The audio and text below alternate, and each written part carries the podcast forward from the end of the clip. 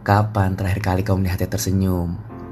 Terakhir kali kau melihatnya tertawa dan tersenyum akibat kata yang kau ucapkan atau susunan kata yang sudah kau rangkai sedemikian rupa agar menjadi lucu dalam sebuah cerita.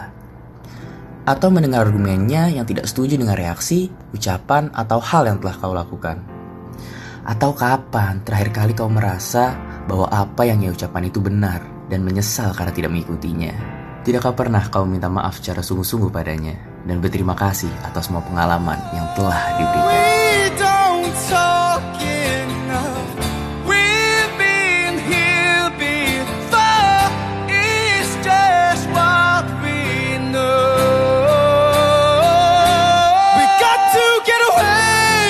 Pukul 2 malam.